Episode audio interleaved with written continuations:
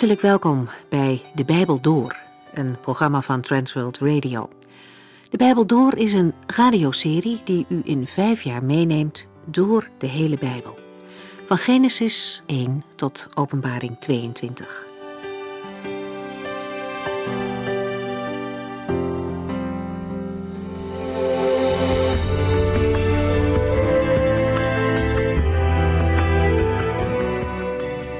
We zijn de vorige keer tot Filippenzen hoofdstuk 3 gekomen. In het laatste gedeelte van hoofdstuk 2 komen we Epaphroditus tegen. Hij is niet zo'n hele bekende man uit het Nieuwe Testament, maar wat Paulus over hem zegt is bijzonder positief. Epaphroditus was ongetwijfeld een waardevolle man om mee samen te werken in Gods koninkrijk. Paulus heeft hem naar de gemeente in Filippi gestuurd, zodat zij met eigen ogen konden zien dat hij weer beter was geworden. Hij was namelijk eerst zeer ernstig ziek geweest. Er werd zelfs voor zijn leven gevreesd. En nu maakt Epaphroditus zich op zijn beurt zorgen over de gemeente, omdat zij weer zo ongerust over hem zijn. Uit alles spreekt de goede band die er tussen de gelovigen was. Het medeleven en het omzien naar elkaar is ontzettend belangrijk in de gemeente van God. En verder lezen we van Epaphroditus dat hij zijn leven op het spel heeft gezet om Paulus te helpen. Geloven was in de tijd van Paulus niet zonder risico. En dat is het in veel landen tegenwoordig ook niet. Onze risico's zijn misschien niet zozeer vervolging, maar het kan ons ook wel heel wat kosten om over de naam van Christus te spreken. Laten we in navolging van Epaphroditus niet bang zijn om dat te doen. En laten we waar mogelijk hulp bieden aan mensen zoals hij, die hun leven inzetten voor het evangelie. Dat kan op heel veel manieren, in praktische zin, door hen met een brief of een e-mail te bemoedigen, maar ook door het trouw blijvend bidden voor deze mensen. Paulus roept de Filippenzen op om deze mensen in ere te houden en met blijdschap te ontvangen. En ook dat kunnen wij in onze tijd ook nog doen. We lezen nu verder vanaf hoofdstuk 3.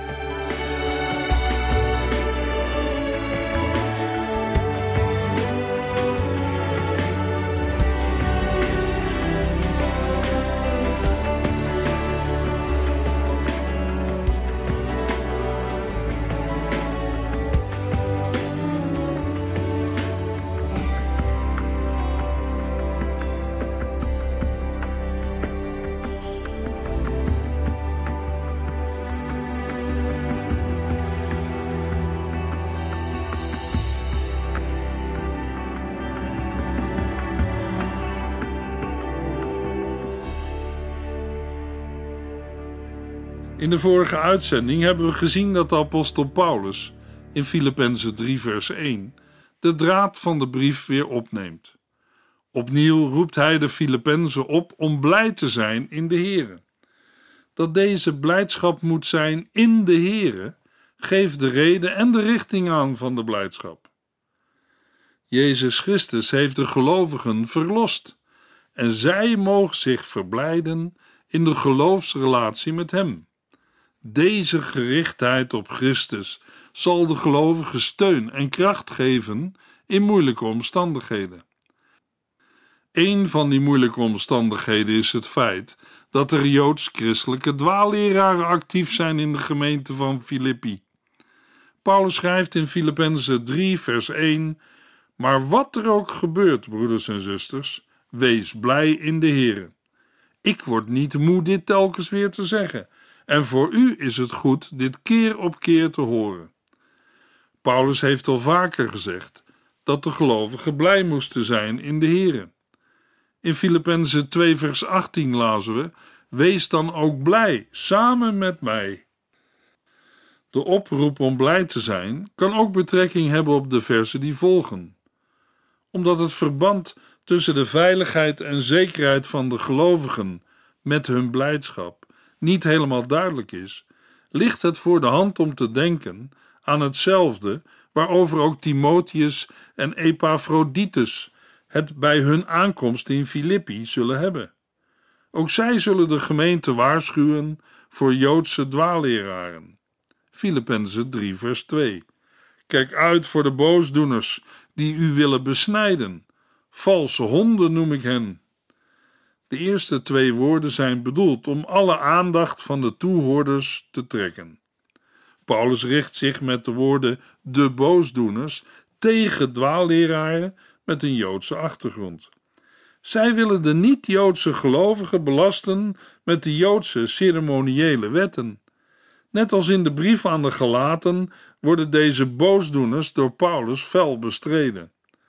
De aanduiding honden werd door Joden vaak gebruikt als scheldwoord voor niet-Joden. Voor Joodse mensen waren honden onrein. In Openbaring 22, vers 15 lezen we: Buiten de stad zijn de honden, de tovenaars, de overspeligen, de moordenaars, de afgodendienaars en alle die met plezier liegen en bedriegen.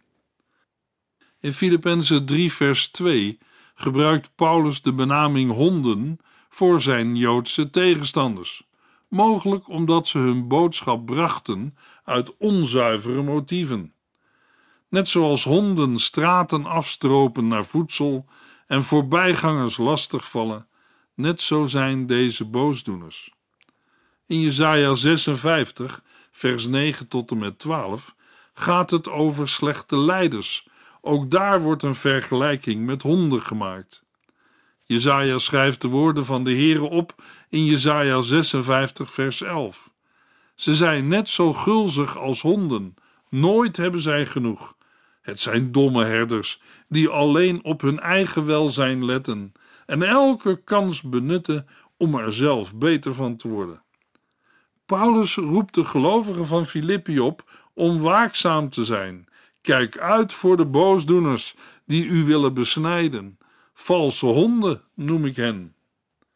Filippenzen 3, vers 3. Want door het snijden in uw lichaam maakt u het echt niet in orde met God. Waar het om gaat, is dat wij God door de Heilige Geest aanbidden. Dan zijn we pas echt besneden. Wij beroemen ons op wat Christus voor ons heeft gedaan. In vers 3 wordt de apostel nog scherper door de besnijdenis, het belangrijkste thema van hun prediking, aan te duiden met de woorden: Want door het snijden in uw lichaam maakt u het echt niet in orde met God. In Gelaten 5, vers 12 spreekt Paulus over hetzelfde en zegt dan scherp: Laten die onruststokers zichzelf maar castreren. Ondanks de in Jeruzalem genomen besluiten, blijven deze Joodse dwaalleraren verkondigen dat de besnijdenis en het onderhouden van de wet van Mozes noodzakelijk is voor de redding van niet-Joodse christenen. Hieruit blijkt dat sommige Joden die tot geloof waren gekomen in Jezus Christus, bestrijders van Paulus en zijn verkondiging van het evangelie zijn. Deze boosdoeners of dwaalleraren kwamen niet alleen in de gemeente van Filippi voor. In 2 Korintiërs 11, vers 13 tot en met 15 schrijft de apostel over hen: Die mannen werken helemaal niet voor God. Ze zijn niet door hem gestuurd. Het zijn huigelaars die u hebben wijsgemaakt dat zij apostelen van Christus zijn. Maar denk nu niet dat het mij verbaast. Satan zelf kan zich voordoen als een engel van het licht. Het is dan ook geen wonder dat zijn handlangers zich voordoen als oprechte dienaren van God. Maar op het laatst zullen zij allen de straf krijgen die zij voor hun wandaden verdienen. Ook in de brief van Paulus aan de christengemeente van Galatië lezen we in Galaten 1 vers 7 en 8 U bent van de wijs gebracht door bepaalde personen die een verkeerd beeld van Christus geven. Als iemand iets anders verkondigt dan het goede nieuws dat u van mij gehoord hebt, moet u hem uit de weg gaan als een vervloekte. Zelfs al zou ik het zijn of een engel uit de hemel. En verderop in vers 11: U moet weten, broeders en zusters, dat het goede nieuws dat ik bekend maak niet door mensen is bedacht. Ik heb het niet van mensen ontvangen, maar Jezus Christus zelf heeft het mij bekendgemaakt. Vanaf het begin van zijn bediening heeft de apostel de dwaalleer van de Joodse predikers bestreden. Hij was zelf ook betrokken bij de bijeenkomst in Jeruzalem met alle apostelen en leiders in Jeruzalem. We hebben in Handelingen 15 gelezen dat Paulus en Barnabas in de christengemeente van Antiochië in een heftige discussie raakten met mannen uit Judea die kwamen vertellen dat niet-Joodse christenen zich eerst volgens Joods gebruik moesten laten besnijden, anders konden zij niet gered worden. Maar de apostelen en leiders van de christelijke gemeente kwamen in een speciale vergadering tot de conclusie: de Heilige Geest en wij hebben namelijk besloten u geen verdere verplichtingen op te leggen dan deze noodzakelijke dingen. Eet niets van wat aan afgoden geofferd is, eet of drink geen bloed, eet geen vlees waar nog bloed in zit en pleeg geen hoerderij. Als u zich daaraan houdt, is het goed. Wij wensen u het allerbeste. Paulus schrijft aan gelovige Joden en niet-Joden in Efeziërs 2, vers 14: Want Hij zelf, Christus, is onze vrede. Hij heeft u en ons tot één volk gemaakt door de muur van vijandschap die tussen ons instond af te breken. Dat het bij de woorden Hij heeft u en ons tot één volk gemaakt werkelijk om de eenheid van Joden en niet-Joden in de gemeente van Christus gaat, blijkt ook uit de woorden van de apostel in Efeziërs 3, vers 1 tot en met 12. Ik wil u aanmoedigen het genoemde gedeelte nog een keer aandachtig door te lezen. Paulus schrijft in Efeziërs 3, vers 1: Ik zit omwille van Christus Jezus in de gevangenis, omdat ik zeg dat u, die geen Joden van geboorte bent, ook tot Gods huis behoort. Ook Petrus zegt in Handelingen 15, vers 9 tot en met 11: Hij, de Heere, maakt geen verschil tussen hen, de niet-Joden, en ons, de Joden. Doordat zij in Jezus Christus geloven, heeft hij hun hart van kwaad gezuiverd. Wel, waarom wilt u het beter weten dan God? Door deze nieuwe christenen een juk op de schouders te leggen, dat voor ons en onze voorouders al te zwaar was. Wij geloven immers op dezelfde wijze als zij gered te worden door de genade van de Heer Jezus. Filippenzen 3, vers 3. Want door het snijden in uw lichaam maakt u het echt niet in orde met God. Waar het om gaat, is dat wij God door de Heilige Geest aanbidden. Dan zijn we pas echt besneden. Wij beroemen ons op wat Christus voor ons heeft gedaan. Als de besnijdenis alleen een uiterlijk teken aan het lichaam is, heeft ze geen enkele waarde en is een besnijdenis niet meer dan het snijden in uw lichaam. Met andere woorden, niet meer dan een verminking van uw lichaam. Daarna geeft Paulus aan dat de Filippenzen al tot de besnedenen behoren omdat zij God door de Heilige Geest aanbidden. In Christus hebben de Filippenzen al een besnijdenis ondergaan. Colossense 2 vers 11 In hem hebt u ook een besnijdenis ondergaan, natuurlijk niet lichamelijk, maar geestelijk. Want hij heeft u door zijn geest bevrijd van de macht van de zonde die in uw lichaam heerste. En in Romeinen 2 vers 28 en 29 schrijft Paulus dat u als Jood geboren bent en volgens Joods gebruik besneden, wil nog niet zeggen dat u een echte Jood bent. Een echte Jood is iemand die zich in zijn hart met God verbonden heeft. Het gaat er niet om of u lichamelijk besneden bent, maar of uw hart en gedachten voor God geopend zijn.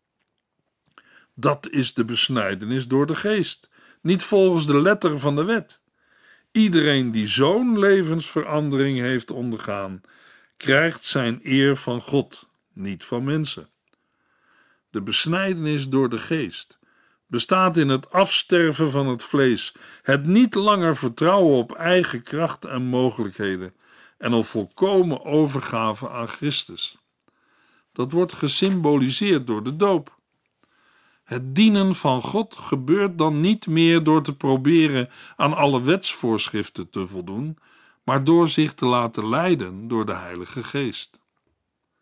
De zekerheid van de redding van een gelovige ligt dan niet meer in de eigen verdiensten, werken de wet, of in het als Jood geboren zijn, maar volledig in Christus, die door zijn sterven de gelovigen rechtvaardig heeft verklaard.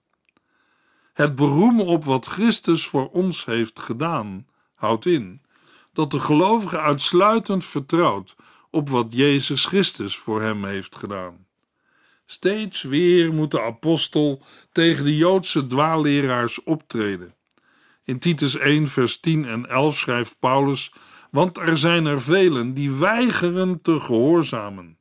Dat geldt in het bijzonder voor de Joden onder hen, die onzin spreken en beweren dat christenen zich aan de Joodse wetten moeten houden.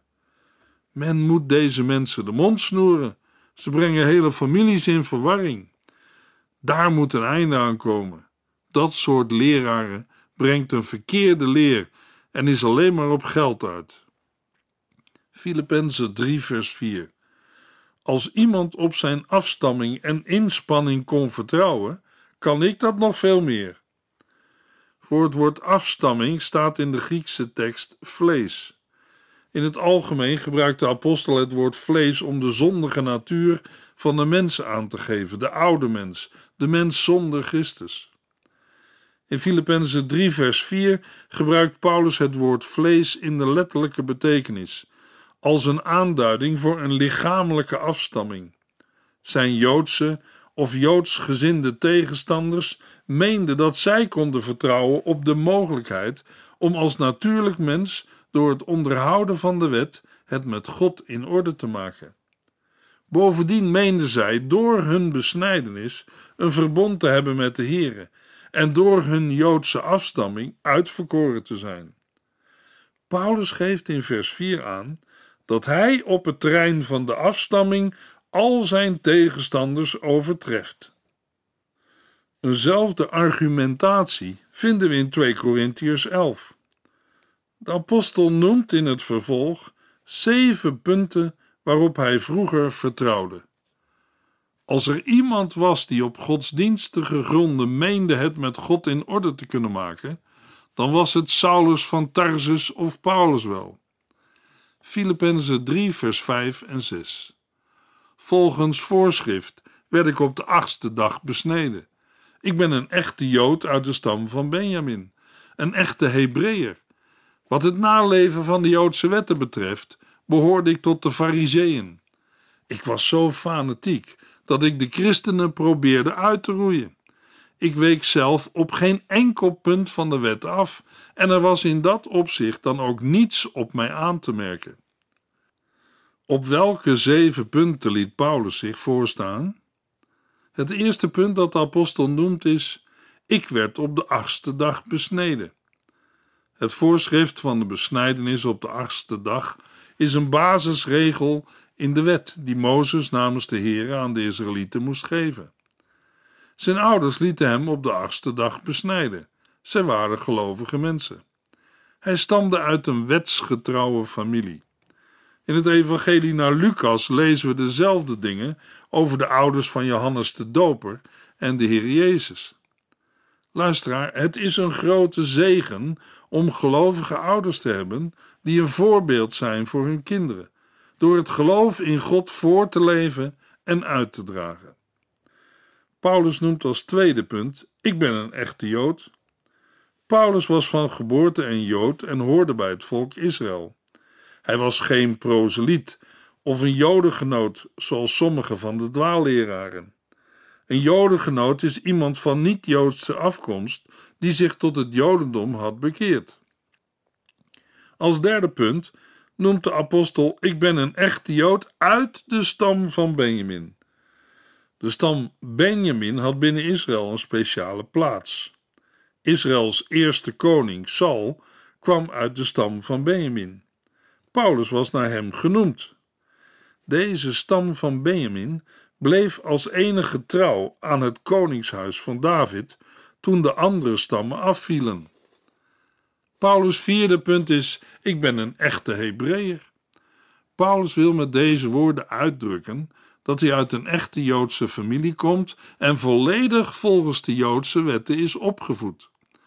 Hij hoorde bij de hoogste godsdienstige laag van de bevolking en aan zijn afkomst kon Paulus zelf niets doen.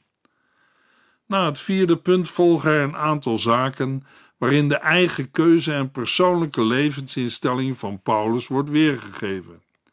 Het vijfde punt, waarmee Paulus zijn woorden uit Filippenzen 3 vers 4 illustreert is, wat het naleven van de Joodse wetten betreft, behoorde ik tot de Fariseeën.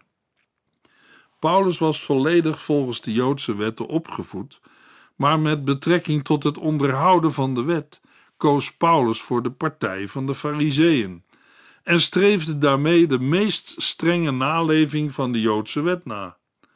Hoewel geboren in Tarsus in Klein-Azië, had Paulus zijn theologische opleiding genoten in Jeruzalem bij Gamaliel, een van de meest bekwame wetsleraren van de Fariseeën. De Fariseeën waren van mening dat zij tot de hoogste godsdienstige partij behoorden. Deze politiek-godsdienstige groepering wilde een nieuw koninkrijk stichten. Zij kwamen in verzet tegen de bezetting van Israël door de Romeinen. Zij geloofden in de zuiverheid van de oud-testamentische geschriften, in de engelen, in de opstanding uit de dood en in de wonderen. Bovendien waren zij nationalistisch in hun politieke opvattingen. Zij wilden het koninkrijk van God op aarde vestigen. Paulus kon zeggen: wat het naleven van de Joodse wetten betreft, behoorde ik tot de Fariseeën. Vanuit een geweldige ijver om God te dienen en het Joodse geloof zuiver te bewaren, was Paulus van mening geweest dat hij de gemeente van de Heer Jezus moest vervolgen. Het zesde punt wat door Paulus wordt genoemd. Het herinnert aan de woorden van de Heer Jezus in Johannes 16, vers 2 tot en met 4. Want de Joden zullen jullie niet alleen uit de synagogen gooien, maar zelfs doden. En dan denken zij ook nog God daarmee een grote dienst te bewijzen. Zij zullen dat doen omdat zij de Vader en mij niet kennen. Ik zeg dit hierom, als een en ander gebeurt, zullen jullie je mijn woorden herinneren. Ook Paulus heeft dat voor zijn bekering gedacht. Toen heette hij nog Saulus. En later kwam hij tot de conclusie: het was een ijver en toewijding aan de Here, maar zonder het juiste geestelijk inzicht en verstand. Immers, de Fariseeën zagen de boodschap dat de Heer Jezus de Zoon van God is, als een godslastering. Paulus schrijft: Ik was zo fanatiek dat ik de christenen probeerde uit te roeien. Ik week zelf op geen enkel punt van de wet af, en er was in dat opzicht dan ook niets op mij aan te merken. Met het woord wetten wordt de wet van Mozes bedoeld. Volgens de Joodse gedachtegang was het mogelijk de wet zo te houden dat een mens, althans aan de buitenkant, aan alle voorschriften voldeed. Daarmee was een mens uiterlijk voor de wet rechtvaardig. Daarmee meende onder andere de Fariseeën ook voor God rechtvaardig te zijn. Maar Paulus was na zijn bekering tot een heel andere conclusie gekomen. Het is voor een zondig mens onmogelijk om op geen enkel punt van de wetten van God af te wijken en door eigen inspanning rechtvaardig voor God te worden. Immers, de Heere kijkt naar het hart en de motivatie. De werkelijke vervulling van de wet ligt in de liefde tot God en de naaste. Rechtvaardigheid voor God kan een mens alleen ontvangen uit genade en door het geloof in Jezus Christus. Het zevende punt wordt genoemd in vers 6. Er was dan ook niets op mij aan te merken. Uit Romeinen 7, vers 7 blijkt dat de apostel daar na zijn bekering anders over denkt. Hij is dan niet meer overtuigd van zijn zondeloosheid. De wetten van God hebben hem juist het tegendeel laten zien. In Romeinen 7, vers 24 en 25 moet Paulus concluderen: Wat ben ik er ellendig aan toe? Wie zal mij verlossen uit deze vreselijke macht van de dood? Ik dank God dat er een uitweg is door Jezus Christus, onze Heer. Om kort te gaan, ik sta met mijn verstand wel achter de wet van God. maar ben in mijn dagelijks leven onderworpen aan de wet van de zonde. Als ex-fariseer was dat de ontdekking van Paulus' leven. We hebben bij de bespreking van het Bijbelboek Handelingen, in Handelingen 9, gelezen hoe de Heer Jezus zichzelf aan Saulus heeft geopenbaard. De woorden van de Heer Jezus uit Handelingen 9, vers 4 moeten als een bom zijn ingeslagen. Saul, Saul, waarom vervolgt u mij? Sprakeloos lag hij op de grond en kon niet meer uitbrengen dan: Wie bent u, heren? Het antwoord was: Ik ben Jezus, die u zo fanatiek vervolgt. Sta op en ga de stad in. Daar zal u gezegd worden wat u moet doen. Verderop in Handelingen 9 lezen we wat Saulus voor de Heere moet doen. Ananias, een van de volgelingen van Jezus in Damaskus, moet het hem gaan vertellen. De Heere zegt tegen Ananias in Handelingen 9, vers 15: Ik heb besloten die man te gebruiken. Ik heb hem uitgekozen om mij bekend te maken aan andere volken en hun koningen en ook aan het volk Israël. Ik zal hem duidelijk maken hoeveel leed hij voor mij moet doorstaan. Saulus uit Tarsus, de fanatieke fariseer, is tot geloof in Jezus Christus gekomen. Dezelfde Christus die hij zo ijverig vervolgde in het oppakken en terechtstellen van de volgelingen van Jezus. God kiest hem uit om geen vervolger, maar een beleider van Christus te zijn. En daarmee wordt vervolger Saulus, zendeling Paulus. Hij moet Christus bekendmaken aan andere volken, koningen en Gods eigen volk Israël. Luisteraar, hoort u ook bij de verkondigers van het Evangelie? In de volgende uitzending lezen we Filippenzen 3, vers 7 tot en met 14.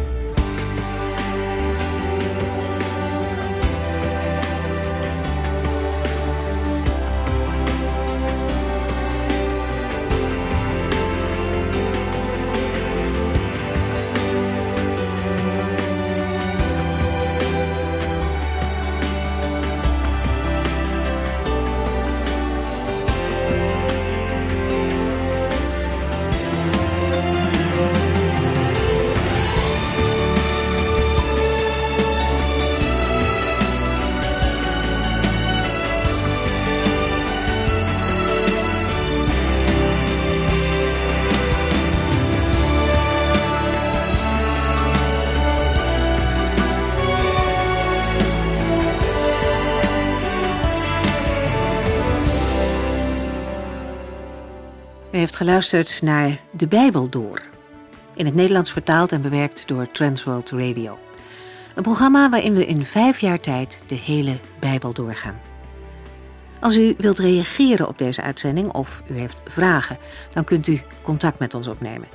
Tijdens kantooruren kunt u bellen op 0342 47 8432. 0342 47 8432. 32. Ook kunt u een e-mail sturen naar de Bijbel door transworldradio.nl en natuurlijk kunt u ook via de post ons bereiken. TWR, postbus 371, postcode 3770, AJ in Barneveld. Dit programma werd gepresenteerd door Cor Weda en Ike André. Techniek was in handen van Odin van Woerdekom. En wij allemaal bedanken u voor het luisteren. Graag tot de volgende keer.